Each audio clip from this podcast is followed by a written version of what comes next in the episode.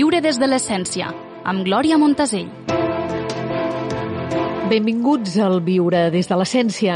Iniciem el programa parlant de l'anèmia, la patologia en la que la sang té una quantitat de glòbuls vermells o hemoglobina per sota dels paràmetres de salut. I serà Mònica Mercadal, naturòpata i col·laboradora del programa, qui ens recomanarà quins són els aliments rics en ferro que ens poden ajudar a combatre-la. On està el límit davant les noves tecnologies? Com podem ajudar als pares? En parlarem amb el doctor en psicologia i autora del llibre Nuestros hijos y sus videojuegos, Héctor Fuster. És important prendre consciència dels arquetips que transita la dona a les diferents fases menstruals. Tema del que parlarem avui amb la ginecòloga holística, la doctora Emma Esteve. Saber dels nostres talents ens ha de servir per poder escollir la vocació més adequada. El terapeuta humanista Josep Quarts, a la seva secció de Viure en Consciència, ens reflexionarà en el fet de que no és el mateix una feina que una vocació. I finalitzarem el programa d'avui conversant des de l'essència amb Teresa Jordà Vitó. Als dos anys, a conseqüència d'una malaltia, es va quedar sorda. Actualment és una de les millors aquarel·listes abstractes tant a nivell nacional com internacional. Gràcies a que va començar a parlar abans dels dos anys, a dia d'avui la seva comunicació pot ser més fluida. Si us sembla, doncs, comencem.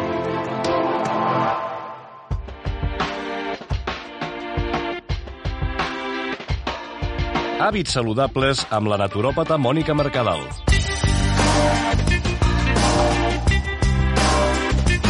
Mònica Mercadal, benvinguda al Viure des de l'Essència, una setmana més aquí acompanyant-nos i donant-nos bons consells pel nostre benestar. Bon dia, Glòria. Un plaer, com sempre, estar aquí amb tots vosaltres. Citarem una, un, una cita Molière que deia la ment té una gran influència sobre el cos i les enfermetats moltes vegades parteixen en la ment i en el nostre estat emocional. Així és, les emocions i l'actitud i la positivitat, tot té a veure. Les nostres cèl·lules, les cèl·lules tenen energia. Vull dir, és un missatge que li enviem al nostre cos. No Posem-hi consciència. Eh? Posem-hi consciència. De quina patologia ens parlaràs avui, Mònica? Avui parlarem de l'anèmia, que l'anèmia mm. és una patologia que té també moltes persones. La setmana passada parlàvem del restrenyiment i l'anèmia realment és una patologia molt comú. Les causes de l'anèmia, d'entrada direm que l'anèmia és una afectació per la qual els glòbuls vermells i l'hemoglobina estan per valors per sota del normal. Les causes de l'anèmia poden ser o bé per pèrdua de sang, hemorràgia externa o interna, per producció insuficient de glòbuls vermells o major destrucció de glòbuls vermells. Per produir glòbuls vermells necessitem vitamines, minerals, ferro, vitamina B12, àcid fòlic. Si alguna d'aquestes falta, és molt probable que anem directes a l'anèmia. Per falta de ferro, s'ha d'entendre que també hi ha casos d'increment de necessitats, que són els nens, els adolescents, les embarassades, les persones grans. També les persones que fan dietes vegetarianes, que potser no tenen tots els nutrients o no s'alimenten bé i aquí podrien tenir casos d'anèmia. També la gent que fa abús d'antiàcids, excessiva pèrdua de sang en la menstruació, úlceres pèctides sangrants, i sobretot falta d'àcid clorhídric a l'estómac, ja que disminueix l'absorció del ferro. Vull dir que causes n'hi haurien bastants sí. en el nostre dia a dia. Però sobretot vull remarcar que la, que l'anèmia per falta de B12 és aquella gent saps, que té les dietes veganes, és a dir, que no tenen proteïna animal. Quins són els aliments, medicina, que ens poden ajudar davant d'aquesta situació, davant de, de, de l'anèmia? Davant de l'anèmia, mira, d'origen animal, no sé si tot te'n recordes quan eres petita, Glòria, que la teva mare et donava fetge? Mm, sí, sí que me'n recordo i, i la veritat és que em canvia la cara quan hi penso. Eh? Correcte, a mi també. Tinc molt mal record del fetge de vedella que em feien menjar, però s'ha de dir que el fetge és l'aliment més ric en ferro, sí, d'origen animal, uh -huh. que no a tothom agrada i, i estem d'acord. Però també d'origen animal m'agradaria destacar el marisc de petxina, escopinyes, ostres, musclos, també les sardines i el rovell d'ou. Tot això seria d'origen animal i la veritat és que tots són molt rics en ferro. L'anèmia, primerament, s'hauria de corregir mitjançant l'alimentació. Si amb l'alimentació no n'hi no hagués prou, eh, passaríem a la suplementació. I en última instància, si la suplementació no ens funcionés i l'anèmia fos molt crònica, passaríem a la transfusió. Però sobretot jo li dic a la gent que, que canvi l'alimentació perquè a través dels aliments podem millorar molt l'anèmia. Parlem ara molt resumidament dels aliments no animals. Alfals. L'alfals és molt ric en, en, En ferro. en ferro. Llavors jo sempre li dic a la gent que té anèmia que posi uns brots d'alfals germinats a l'amanida cada dia o acompanyant a les verdures i no només és ric en clorofila i en moltes vitamines, sinó que té molt de ferro. De fet, jo he corregit la meva anèmia menjant alfals cada dia. Un grapadet, no gaire, perquè té molta vitamina K i, i no, no se n'ha de... Podria ser un excés, no podríem Sí, abusar-ne. només un grapadet. Julivert. Jo sempre li dic a la gent que tingui una planteta de julivert a la cuina perquè el julivert és una de les plantes aromàtiques més riques en ferro i a part de tenir molta vitamina C. Llavors, mm, sé que és difícil eh, tenir l'hàbit de tenir una planteta a la cuina de julivert, però si la tens i la tens a la vista, és molt fàcil després decorar els teus plats amb julivert. L'alga wakame, totes les algues són molt riques en ferro, en ferro però la wakame és especialment rica en ferro. Mm. En ferro. Llavors la deixaríem en remull 10 minuts i ella sola ja s'hidrata i la podem posar també a l'amanida. Sí? I a part, et diré, la remolatxa. La remolatxa, un suc de remolatxa, és el suc més antianèmic del món. Eh? Jo et diria un exemple, posaria remolatxa, poma, cogombre i llimona. Un suc boníssim. El, els, probablement sigui el teu suc del matí, no? Sí, m'encanta, sí, sí, sí, no? i és molt recomanable per la gent que té anèmia, eh? I acabaré dient que la clorela, l'espirulina, els festucs, la miso, sopa miso, llevat de cervesa i les llenties són els aliments més rics en ferro. O Els aliments per excel·lència. els aliments per excel·lència de l'anèmia. Llavors l'anèmia és algo que s'ha de tenir en compte perquè realment la seva sintomatologia pot ser eh, bueno, pot marcar el teu dia a dia, des de la fatiga, la falta d'energia, la feblesa, dificultat en respirar, marejos, palpitacions, palidesa, pressió arterial baixa... Vull dir que és una, és una malaltia que s'hi ha de posar remei. Eh? Tota aquella persona que estigui... Baix més, en ferro, eh? jo crec que ja, quan et baixa l'anèmia, ja ho notes, perquè el símptoma principal és que vas a collir alguna que t'ha caigut al terra i Ui, quan puges, Et marxa el cap. si et marxa el cap, és que hi ha un problema de ferro. Mònica Mercadal, moltíssimes gràcies. Tota la informació també la podem trobar a la teva web? Correcte. Tots aquests articles estan a la meva web i, i Monwellness. monwellness.com. Ens veiem la propera setmana. Ens veiem la propera Que setmana. ens parlaràs de l'insomni, potser? Parlarem de l'insomni, correcte. Perquè hi ha molta gent que el pateix, també. Sí, i tant. Sí, sí, sí. Les preocupacions del dia a dia moltes vegades en generen aquest trastorn. I donarem consells i hàbits molt, molt efectibles. Doncs t'esperem aquí al Viure des de l'Essència la propera setmana. Ens veiem la propera setmana. Una Gràcies. abraçada.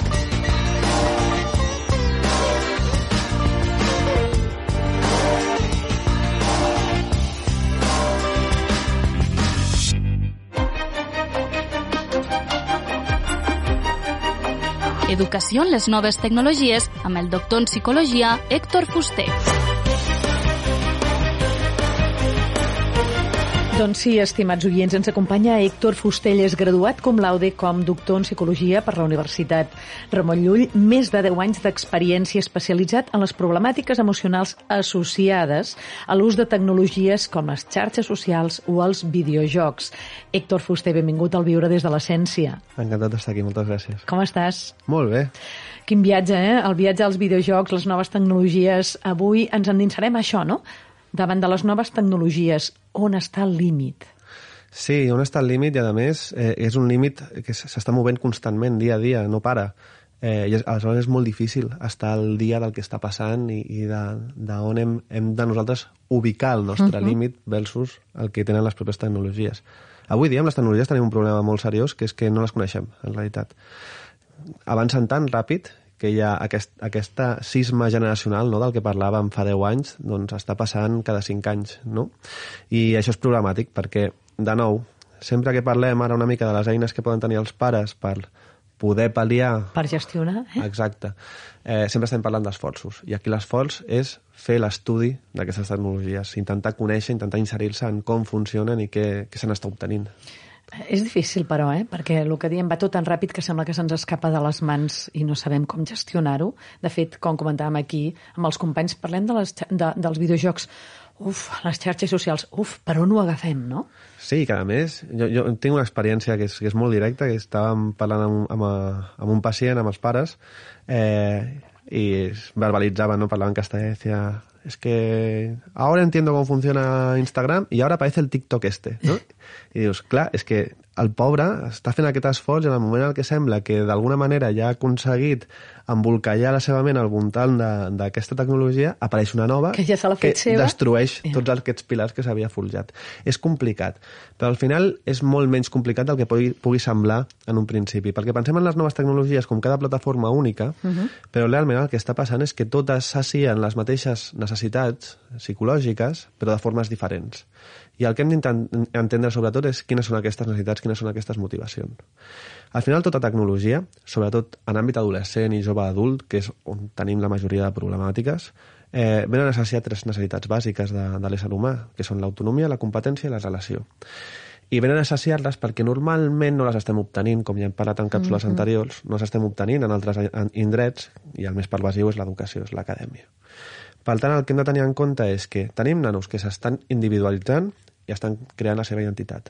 I estan en un entorn que és, bàsicament, un melting pot, un, un, un, una amalgama d'identitats brutal. I allà explorem rols.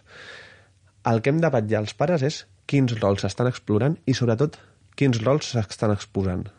Clar, perquè també podríem estar parlant de que pot haver-hi aleshores una falta de, una manca de referents i busquem el referent fora de casa, eh, ens submergim en el nostre món i a partir d'aquí no escoltem res, ens tapem les orelles i, i ens obsessionem. Eh? Exacte. I es, cre es creen modes, no? Uh -huh. I quan parlo de moda, parlo des del punt de vista estadístic, no? Una cosa eh, que s'estereotipa dins de la identitat d'aquesta persona. I hem de vigilar, perquè no totes les modes, no totes les estereotípies són sanes. Per tant, hem de tenir en compte en quina direcció volem que aquesta identitat es vagi col·locant dins d'aquest món. Això no vol dir que tinguem que negar la possibilitat de que aquesta persona investigui. No? I al final no podrem fer-ho. O sigui, si el meu fill és un jugador de videojocs i està a Twitch i està mirant pues, streamers, i aquests streamers pues, són molt histriònics i fan les seves coses, pues, no està malament. Però hem de donar altres rols que siguin positius i que ell o ella puguin anar buscant eh, quina és la manera adequada d'actuar en públic, d'actuar dins d'aquests entorns, etc etc etc. Héctor, quina és la manera adequada? Mm, Això depèn, clar, això, els valors que tingui la família. Uh -huh. eh, jo no m'atreviria a, dir que no crec que ningú pugui fer-ho i si algú ho fa està enganyant. Uh -huh. eh, hi ha uns valors, els valors familiars han d'estar clars, aquest seria el primer pas, no? a nivell de família, qui- quins són els nostres valors, i això són diversos. Eh, I en funció d'aquests valors, doncs, intentar cercar aquells rols, aquells models, participar, discutir, no? Eh, I això requereix de nou temps. Doncs si el nano segueix a un influenciador, doncs haurem de fer l'esforç de conèixer aquest influenciador, entendre'l, i potser entrar en un punt de discussió amb aquesta persona, amb, amb el nostre fill, i veure si, eh, si és correcte o no els valors que té, si ha identificat els valors que té, perquè molts cops escolten el que està succeint, però es, es, es queden només amb els fets, no es queden amb els valors que hi ha darrere o amb les intencionalitats que hi ha darrere. I de nou, tota competència, tota autonomia, tota relació va associada a una intenció. Per tant, és fer clares aquestes intencions, entendre què és el que està passant i poder parlar-ne. El del que estaríem dient també és el de no fugir, sinó el de compartir, apropar-nos al nostre fill o filla, compartir amb ell, atrevir-nos. No tinguem por, perquè aleshores la por el que ens farà és bloquejar-nos i no, no, no accedir-hi, no? El llibre molt interessant, el teu llibre Nuestros hijos y sus videojuegos, que podem trobar, bueno, posem per, per Google i Sí. surt la informació, Sí, sí. com el que dèiem ara, no? No, avui en dia no hi ha límits. A, avui no hi ha límits. Si volem entendre sobre alguna cosa, no cal Recerca. més que buscar. Mm. Héctor Fuster, moltíssimes gràcies. Ens veiem aquí a casa teva. La propera setmana seguim aprenent i, repeteixo, els teus consells per nosaltres mm, són glòria. Moltes gràcies per tenir-me aquí.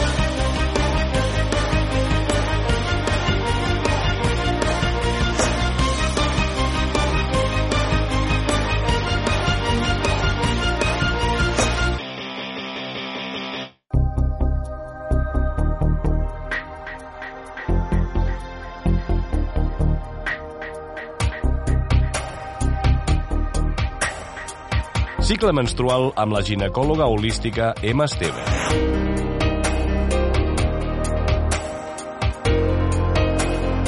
Important prendre consciència dels arquetips pels que transita la dona en les seves diferents fases menstruals. Tema del que parlarem avui amb la doctora Emma Esteve, ginecòloga holística. Doctora, benvinguda al Viure des de l'Essència. Com Hola, està? Hola, Glòria, molt bé. Contents de tenir-la novament aquí amb nosaltres. Avui parlarem d'arquetips, els arquetips de la dona. De, de quins quatre arquetips estem parlant, doctora?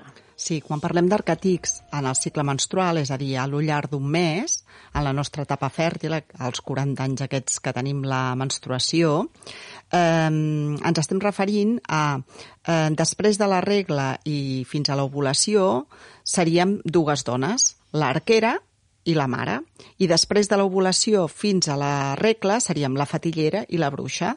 Les dues primeres, l'arquera i la mare, corresponen a la fase aquesta d'obertura, no? Uh -huh. I la figura també hi acompanya. Hi, hi acompanya, sí. I la fatillera i la bruixa a la fase de tancament. Um, si com a dones coneixem les característiques que tenim en cada una d'aquestes quatre fases del cicle, això ens permetrà utilitzar-les al nostre favor i no posar-se pedres al camí. Anem a pujar exemples que potser serà sí. més fàcil. Um, si jo uh, tinc una entrevista de treball, Uh -huh. Lo correcte, si jo sé que en la fase de l'ovulació o d'abans de l'ovulació, o sigui, en la primera meitat de, del cicle, en la fase d'obertura, estic extrovertida, sociable, eh, aguanto molt més bé les crítiques, doncs el normal seria que intentés que la reunió en caigués en aquest moment del cicle. Si jo el que vull és eh, co-crear un projecte de treball o un projecte de família, doncs serà millor que aprofiti aquestes fases de més introspecció, on estaré molt més sensible, probablement m'afluiran més les idees... Més cap endins, eh? Més cap endintre. Uh -huh. eh, si jo vull participar en una cursa o, o vull fer un entrenament físic eh, intens, molt millor fer-ho en les fases d'apertura, on tenim molta més energia, on, te, on te, eh, tenim molta més capacitat eh, respiratòria, muscular... És a dir, que cada fase del cicle està feta en funció de les seves característiques. Si ens hi fixem quan ho volem, no? La finalitat del cos humà, encara que moltes dones decideixin que no sigui així, és la maternitat o el donar vida. Doncs fins al moment en què podem començar a generar una vida, doncs el nostre cos està a tope en tot, a nivell mental, a nivell emocional, a nivell físic, i en canvi, a partir de l'ovulació, sobretot si no es produeix l'embaràs, i per tant entrem a la segona fase del cicle just l'època de les dues setmanes abans de la regla, doncs tenim ganes d'estar més tranquil·les, de baixar el ritme, de quedar-nos més En interioritzant, revalorant el nostre trajecte, revalorant què ha passat aquell mes, no? Menjant suau, eh, descansant més, eh, anul·lant algun, alguns events que tinguem, no? Vull dir que, clar, Ara sembla molt difícil perquè la gent diu ja, però jo això com li explico al meu jefe, però lo important és que nosaltres ens conscienciem, perquè si nosaltres ens conscienciem i ho posem en pràctica i ens en donem compte dels beneficis que té per nosaltres, ho podrem transmetre aquí. Pues el nostre germà, el nostre pare i tots aquests homes algun dia seran jefes, no? i, i contractaran a dones, vull dir que al final eh, la part aquesta femenina, tant dels homes com de les dones, ens enforteix i enriqueix a tots, no? Molt interessant el fet d'aquests quatre arquetips, el que estem parlant, d'aquestes quatre fases de la menstruació en la que moltes vegades passem per alt, perquè, com comentàvem abans, malauradament anem tan ràpid, no? No podem anar més ràpid que la vida mateixa. Bueno, ni que la naturalesa, anem, anem ni que molt la nostra ràpid pròpia natura. I, I la societat encara està molt enfocada així, no? perquè encara segueix una mica prevalent el concepte d'anticonceptius per tot, no? que el que fan els anticonceptius és tornar-nos lineals, perquè la regla que provoquen els anticonceptius és una regla artificial, no és un cicle menstrual i per tant perdem totes aquestes qualitats o la percepció de totes aquestes eh, subtilitats que la nostra saviesa interior a través del cicle menstrual ens intenta donar a conèixer. Probablement eh, algunes de les nostres oients es preguntaran sí, però eh, si jo no vull tenir fills en aquest moment de la meva vida, com ho faig? Bé, doncs eh, jo sempre dic el mateix, o sigui, els mètodes anticonceptius són variats Uh -huh. i es tracta d'en cada moment de la vida utilitzar el que sigui més adient. I si una dona vol no tenir fills i no vol fer servir preservatiu, que és l'únic mètode anticonceptiu que prevé de l'embaràs, però també de les malalties de transmissió sexual, eh, accepta que en aquell moment de la seva vida perd la seva connexió amb el cicle i, per tant, assumeix conscientment que, que vol fer-ho així. Pot seguir-se eh, mantenint una mica en contacte amb la ciclicitat, doncs mirant la lluna o amb un calendari menstrual, no? seguint la lluna o els cicles de la natura. Aquí m'agradaria acabar amb el fet aquest que he dit, el calendari menstrual, eh? la importància de que tinguem tots el nostre calendari menstrual per, per anar de la mà de la lluna. Per a... Sí, jo sempre dic, quan faig les xerrades mares i filles, amb nenes així que o encara no els hi ha vingut la regla o els hi ve la regla, sempre dic que és molt important baixar-te una app o manualment tenir un calendari uh -huh. menstrual, perquè a més estan fets perquè tu puguis anar veient les diferents parts del teu ser no? que pots valorar durant el cicle. I te'n dones compte que no només és la part física, no? de si em fan mal els ovaris, ovaris, o si tinc més fluxa, o si els pits em fan mal, no? Sinó que hi ha tota aquesta part de canvi d'emocions, de canvi d'humor, de ganes d'estar més sola, no? Que a vegades les donem com que rara, perquè a final de mes em, em, tinc ganes d'estar sola, no? I al final, doncs, és una necessitat que la nostra saviesa ens, ens manifesta. Aquesta saviesa, aquesta riquesa de conèixer-nos. Sí, de l'autoconeixement, no? Uh -huh. Doctora Emma Esteve, moltíssimes gràcies per estar de nou aquí amb nosaltres. A tu de nou, Glòria. Fins aviat.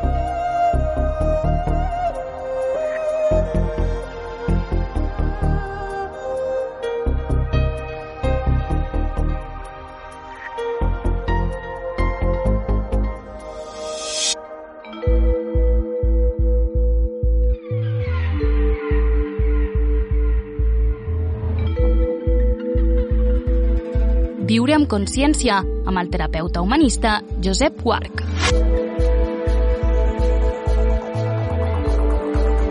Saber dels nostres talents ens ha de servir per poder escollir la vocació més adequada.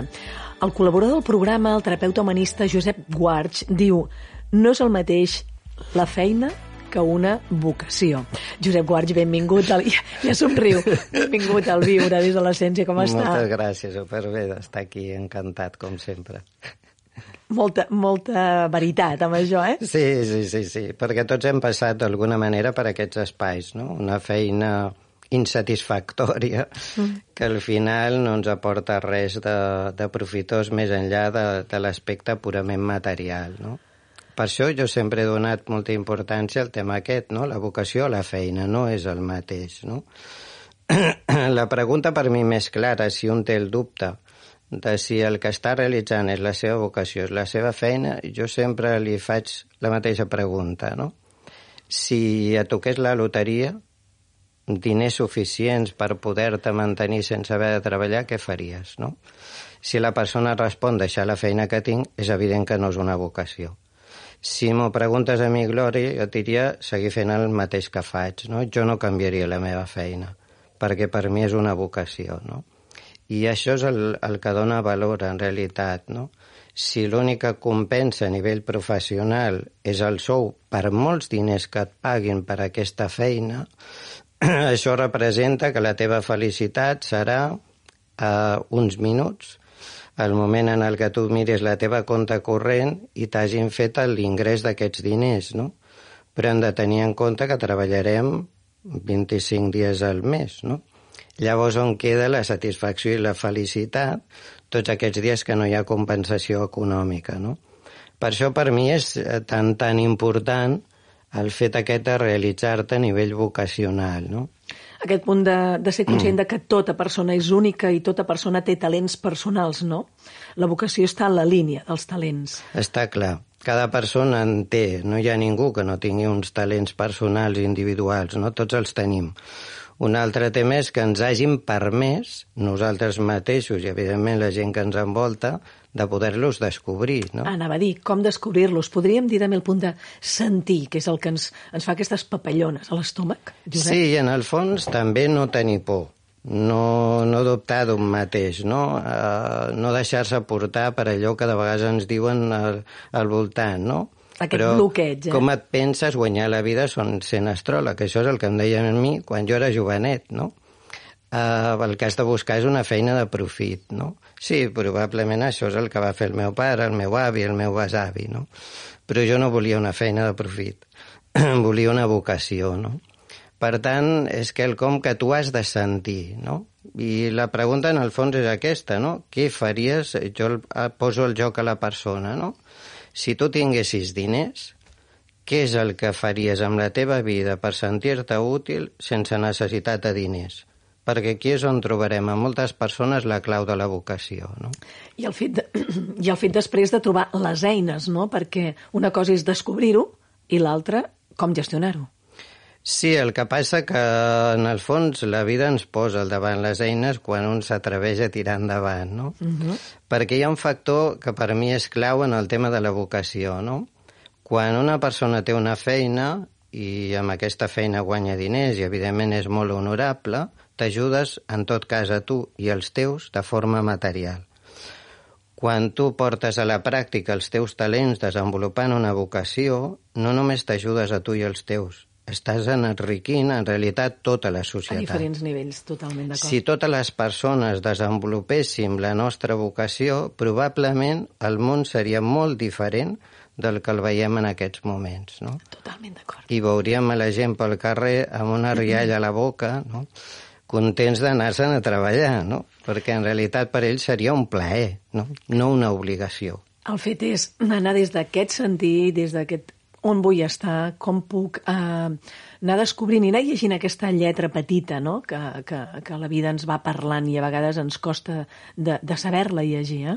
Per això la clau, en el fons, és, és partir del, del qui sóc jo. No? Si jo no sé qui sóc, com que ara hi has de saber quins són els meus talents i quin és el propòsit real de la meva vida. No? Si, ens si ens preguntem qui sóc jo i la resposta que tenim és com ens veu la nostra parella, els nostres pares, els nostres amics, els nostres fills, alguna cosa falla, eh? Està clar. No? Jo et podria parlar del cas d'una dona que vaig atendre fa molts anys. Ella és una gran concertista de piano, reconeguda a nivell internacional, i ella em deia, aquí li explico que no m'agrada la música jo vaig començar a estudiar piano als 3-4 anys perquè el meu pare volia ser músic i no va tenir l'oportunitat de ser-ho. No? Clar, aquí té el valor de deixar una professió exitosa perquè en realitat no t'agrada. No? Per un costat, una professió exitosa i per l'altre el fet de pensar que estàs fallant, no? Està clar, està clar, no? Ella, una de les coses que em deia és aquesta, no? Si jo deixo la música, què li passarà al meu pare, no? Uh -huh. Ja, però la pregunta clau seria què et passarà a tu, no? Et pararà la vida, potser. Clar, què implica que hagis dedicat tants anys de la teva vida a allò que tu no et fa feliç, no? De totes maneres, jo sempre he pensat que hi ha moments de la nostra vida que ens posen la situació ben bé al davant perquè la veiem, no? Està clar, i una de les coses que jo entenc que la persona sempre s'ha de fixar és quan tu dius aquest sóc jo, a on poses la mà. Uh -huh. La mà sempre la posem al cor. Jo no he conegut a ningú que digui aquest sóc jo posant-se la mà al front, no? Uh -huh. Per tant, qui ha de manar la nostra vida? El nostre cervell o el nostre cor, no? És evident que les decisions les pren el cor i no el cervell. Ho deixem a l'aire? Qui ha de manar a, a la nostra vida? El nostre cervell o el nostre cor? Moltíssimes gràcies, Josep Guards. Moltes gràcies, Glòria. Encantat d'estar aquí. Ens veiem la propera setmana, t'esperem aquí. Amb... Bueno, deixem-ho a l'aire. No explicarem de què parlarem la propera setmana, posarem a l'incògnit. Molt bé, moltes gràcies.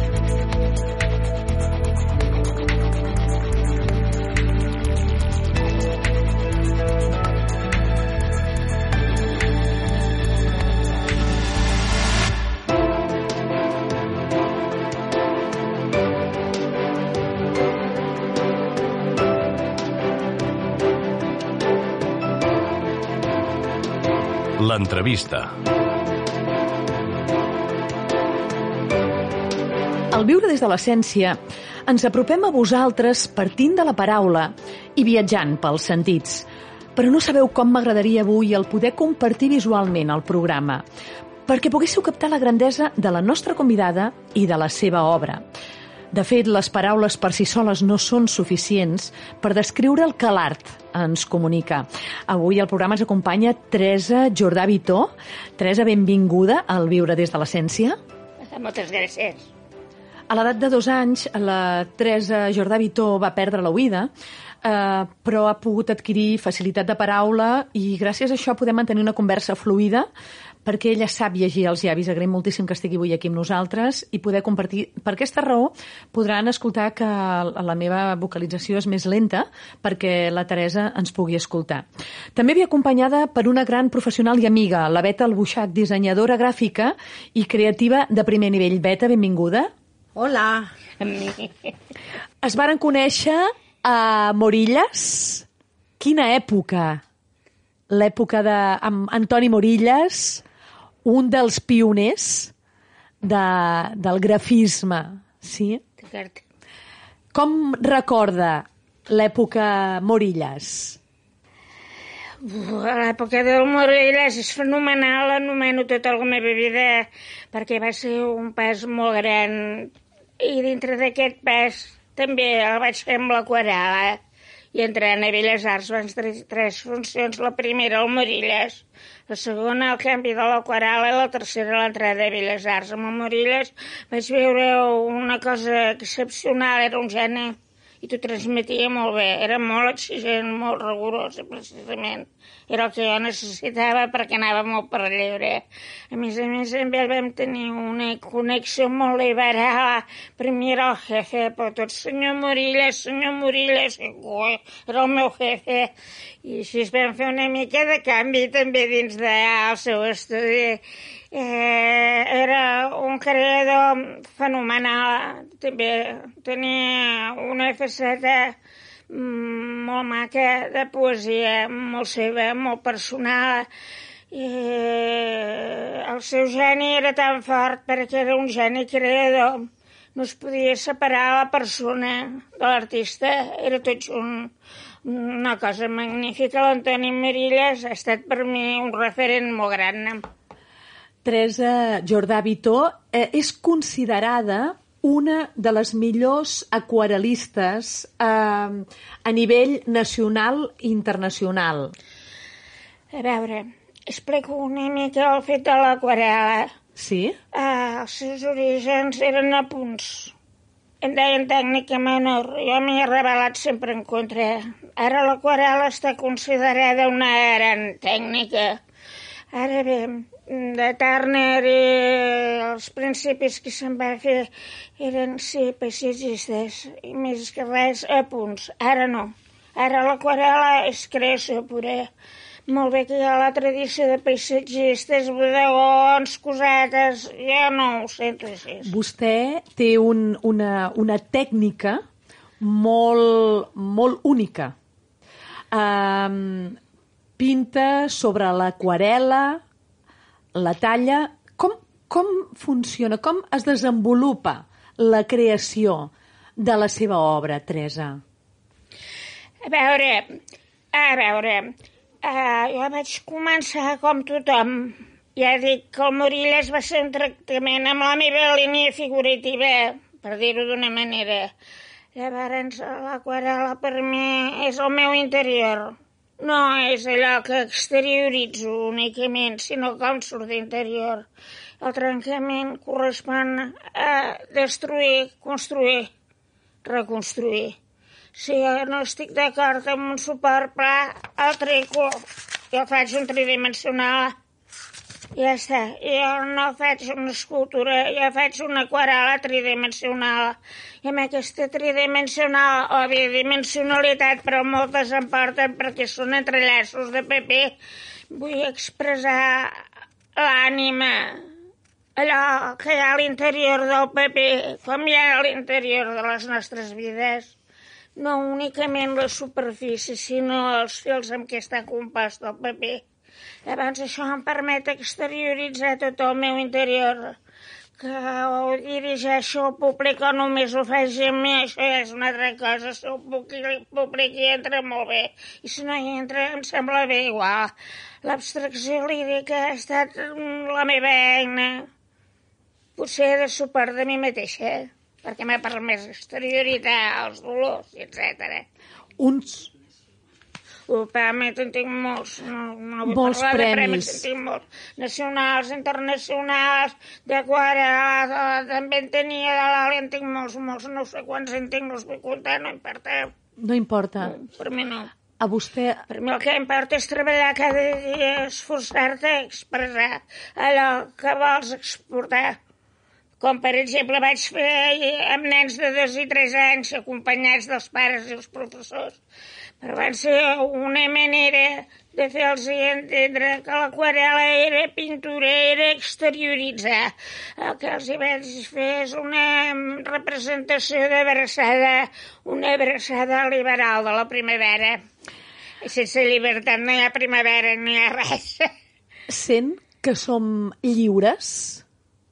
Sí? Les meves aquarel·les són totes llibertat i si hi ha opressió es veu, perquè n'hi ha moltes que estan lligades amb fils ferros espinosos i d'altres estan lligades amb seda i d'altres estan lligades amb cordilles i cada una d'aquestes coses té una representació íntima oferta als altres. Què sent que, que reivindica, Teresa? Reivindico sempre la llibertat, sempre. I l'amor estimar-nos i ser lliures, sempre. A qui voldria seduir la, la seva obra? A, que, que encara Seduir a ningú. Jo dono llibertat a tothom perquè existeixi, perquè entri, si es vol quedar fora té la porta oberta, no sedueixo ningú. Mai. Teresa, quin ha estat el temps màxim que, que ha estat treballant en una obra? Uh, temps, Sí. temps. Uh, N'hi va haver una obra, la primera que vaig fer en tridimensional, que la vaig començar un any, ja no recordo quin, la vaig anar fent, la vaig haver d'abandonar perquè no me'n sortia, la vaig amagar, sempre que no me'n surto d'una obra l'amago. I llavors, quan passa el temps, la torno a treure i continuo tres anys. Eh, quines són les dificultats més grans que s'ha trobat en el camí per ser artista? Home, amb el camí de ser artista, les dificultats grans, doncs mira, si hagués sentit que hagués pogut estar millor. Això de no sentir l'oïda m'ha faltat molt, perquè precisament per manca d'oïda vaig deixar la música que m'agradava molt, el piano. Doncs el vaig deixar, la meva mare em va enfocar cap a la pintura, ella també pintava.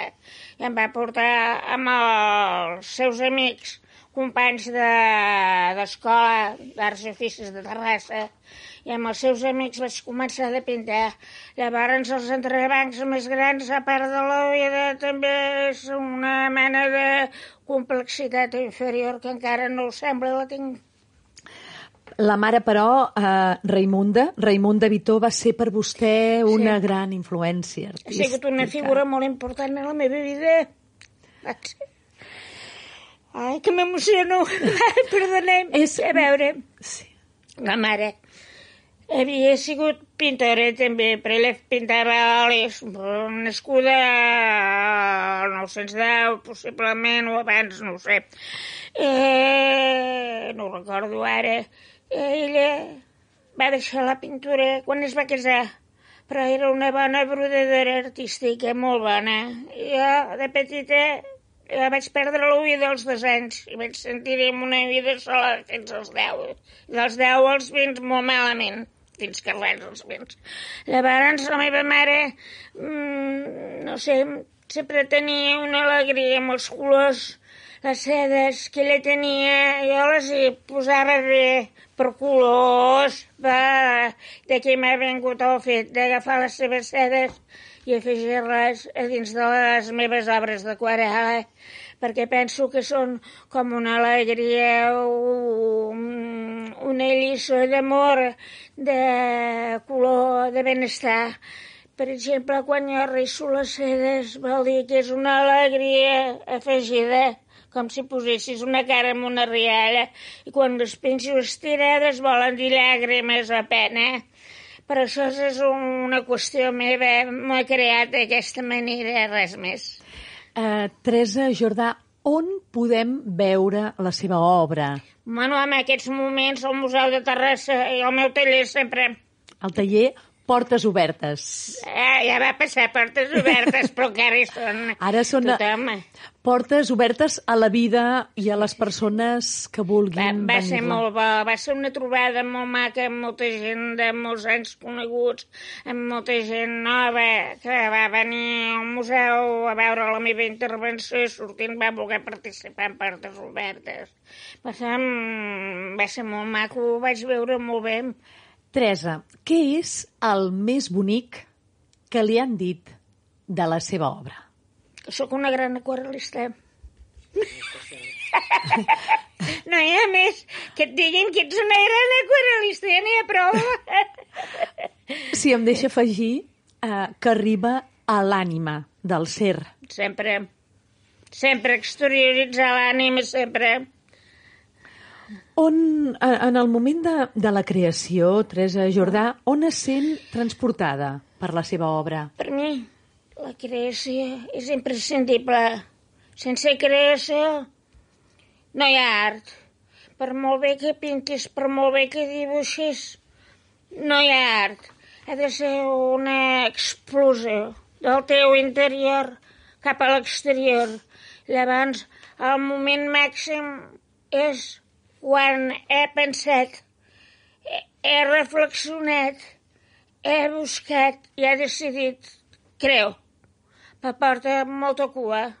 Hi ha obres que porté per un any pensant-hi en com la realitzaré, quins colors utilitzaré, com l'estriparé, com la cosiré, com la presentaré. En moltes obres em porten més d'un any. D'altres, com que ja les he pensat tant, fas un esqueix i en 10 minuts, però normalment mai la primera obra és bona. La primera, encara que sigui d'un format gran, és una introducció. Jo faré això, a veure com ho faig, ho faig. L'estripo i torno a fer una altra. La segona o la tercera acostuma a ser bona. Allò, la, a la tercera, o la quarta, o la quarta. a saber. N'estripo moltes. Fins i tot quan les he donat per bones, les torno a valorar, les estripo. Uh, Teresa, en el seu procés de, de creació, eh, es considera una, una persona supersticiosa? sí. Ja diria que sí. No en soc, dona, no, no, no tinc fetichisme, no. Però mm, que em porti gent que em porta mala sort, gent que no m'estima, mm, una mica... Algun, algun ritual? Que ens- No, no, de rituals, res. Res. El meu ritual és crear l'aquarela, res, res de rituals. Res, passo, passo, Pa- passo, passo. Ni mística, ni fanàtica, res. Viure la vida també com pots. Eh, quins pintors li han influenciat Sí. a la vida? A veure, eh, no m'agrada dir noms. Tots els abstractes mm, contemporanis han aportat la seva llavor. Però l'aquarela, l'esperit de l'aquarela, la tècnica de l'aquarela, només he tingut un professor, Martínez Lozano, un que era d'aquí a Barcelona i es va instal·lar a Terrassa i vaig ser una de les seves primeres alumnes. La tècnica de l'aquarela només me l'ha ensenyat aquest artista. Llavors, uh, hi va haver una connexió molt bona i ell va tenir molta fe amb la meva aquarela, tot i que no era massa ortodoxa. Però uh, hi donava molta empenta que fos transparent, que fos instantània, que fos creativa, que, mm, que tingués una personalitat. I ell era figuratiu. I jo vaig fer el que vaig voler. Com que ell em donava la llibertat de fer-ho com volgués, doncs la vaig aprofitar. I em vaig adonar que coincidia amb l'aquarela aquest esperit de llibertat. Un esperit de llibertat, un viatge de vida amb moltes aventures. Eh, una frase que vulgui compartir amb nosaltres que l'acompanyi en el seu dia a dia. Agafa la creu i marxa. Agafa la creu i marxa. Fa molts anys que m'ho dic, això. Perquè moltes vegades no sortiria de casa. Teresa, quin creu que és el sentit de la vida? Quin creu que és el sentit de l'existència? A veure, la meva manca de vida em fa patir molt. Per mi és una injustícia que una dona com jo hagi d'anar pel món sense sentir res. Llavors, moltes vegades em costa molt de sortir de casa i decidir que surto.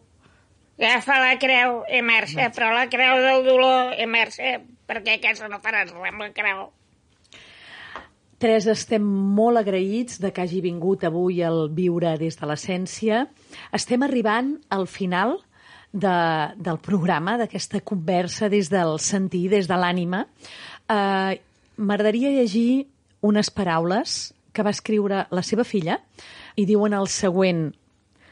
Tal com destacà Joan Hernández Pijuan al parlar de l'obra de Teresa Jordà Vitó l'any 1994 en motiu del criteri d'art Ciutat de Terrassa, l'aquarela es pot entendre com la pell de la pintura, una pell que l'artista acarona, esquinça i recomposa mitjançant els cordills que tornen a unificar allò que ha estat desmembrat, obrint així una dimensió pràcticament escultòrica de l'aquarela, assimilable a les intervencions d'artistes com Lucio Fontana. Boniques paraules de la seva filla. Sí. Teresa Jordà Pitó, moltíssimes gràcies per estar avui aquí amb nosaltres. A vosaltres les gràcies, per favor. Fins ben aviat i ens veiem properament a Terrassa a veure la seva exposició, que tenim moltes ganes de seguir aquest viatge amb vostè. Gràcies. Moltes gràcies. Molt bé.